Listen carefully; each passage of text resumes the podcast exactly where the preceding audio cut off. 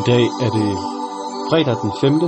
januar, og det er afslutningen på vores første serie om, at Gud han elsker byer.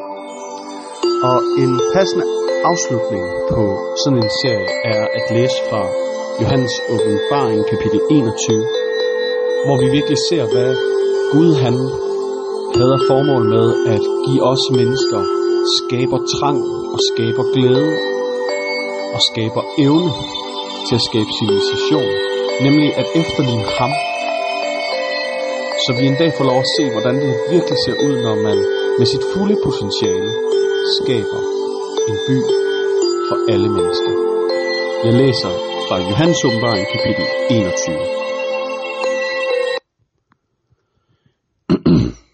nu så jeg en ny himmel og en ny jord.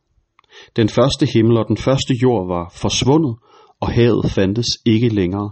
Og jeg så den hellige by, det nye Jerusalem, kom ned fra himlen fra Gud, og byen var gjort parat som en brud, der er smykket for sin mand.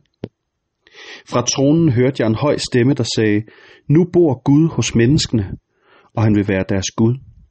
Han vil tørre alle tårer væk fra deres øjne, og der skal ikke længere være nogen død, sorg, gråd og smerte vil høre op, for alt det, der var før, er forsvundet. Ham, der sad på tronstolen, sagde, se, jeg gør alting nyt. Og han fortsatte, skriv det ned, for det, jeg siger, kan man stole på. Så sagde han, nu er det sket. Jeg er alfa og omega, begyndelsen og afslutningen. Jeg vil give den tørstige vand fra livets kilde, uden at det koster ham noget. Det her er afslutningen, eller ikke helt afslutningen, men en væsentlig del af afslutningen på Guds store fortælling. Historien begyndte i paradisets have, og den slutter i en himmelsk metropol. Det er vandringen igennem Guds store fortælling igennem Bibelen. At gå fra himmelsk have til himmelsk civilisation. Når vi læser de her ord, så for mange af os, så kan det måske virke som en grund til at sige, jamen hvis Gud har tænkt sig at gøre alting nyt på den måde, på et øjeblik, hvor det fuldstændigt bare er ham, der handler, så er det vel ikke vores opgave at gøre noget sådan. Så er det vel ikke en opgave for os at skulle gøre en stor forskel i at skabe gode byer, eller hvad? Og der må vi bare sige, så misforstår vi, hvad Johannes han spejder efter og prøver at indgyde hos dem, han skrev til med sine åbenbaringer. Johannes han er ikke interesseret i at give os en trøstebamse, en hyggepude, vi kan lægge vores hoved på og sige, men så venter vi på Guds komme i fuld herlighed, hvor han bare skaber en ny by, og så kan vi egentlig bare lade stå til. Det er slet ikke det, han vil. Han vil give os en idé om, hvad det er Gud han gør der for at vi kan efterligne ham, i hvis billede vi er skabt.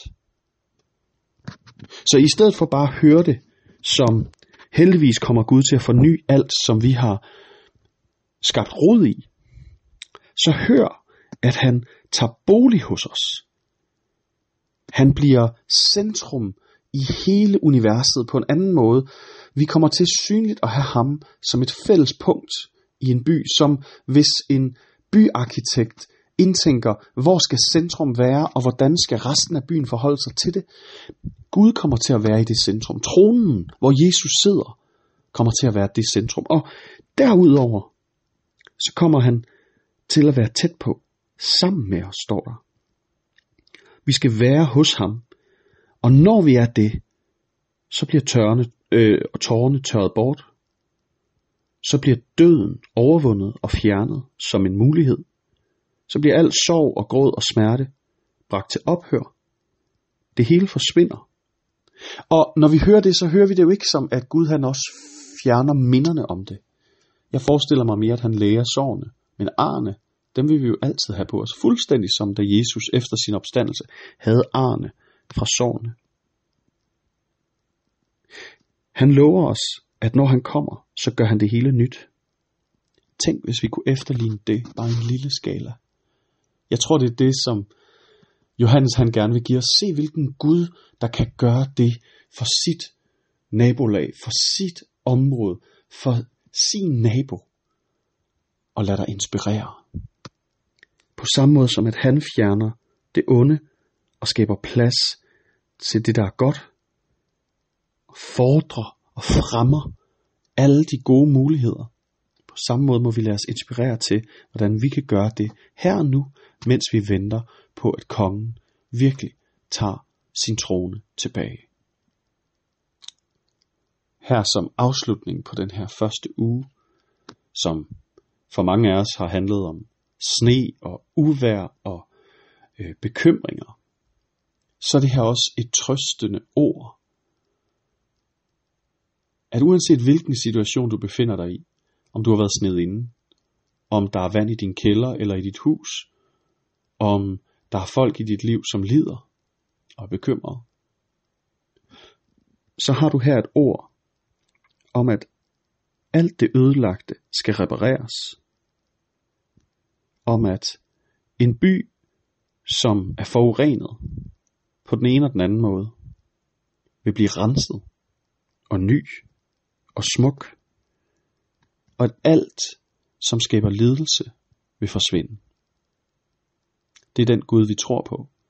Det er den Gud, som vil fuldføre sin gerning. Amen. Lad os bede. Kære Gud, tak fordi, at du går foran i at skabe nyt, at fjerne problemer, at fordre og fremme potentiale. Kære Gud, tak fordi, at du vil sætte dig på tronen til alle os bekymrede mennesker, til alle os, der har svært ved at se ud over vores egne behov. Hjælp os til at se, hvordan du tog bolig, virkelig. Du blev nabo med os, og du vil gøre det igen.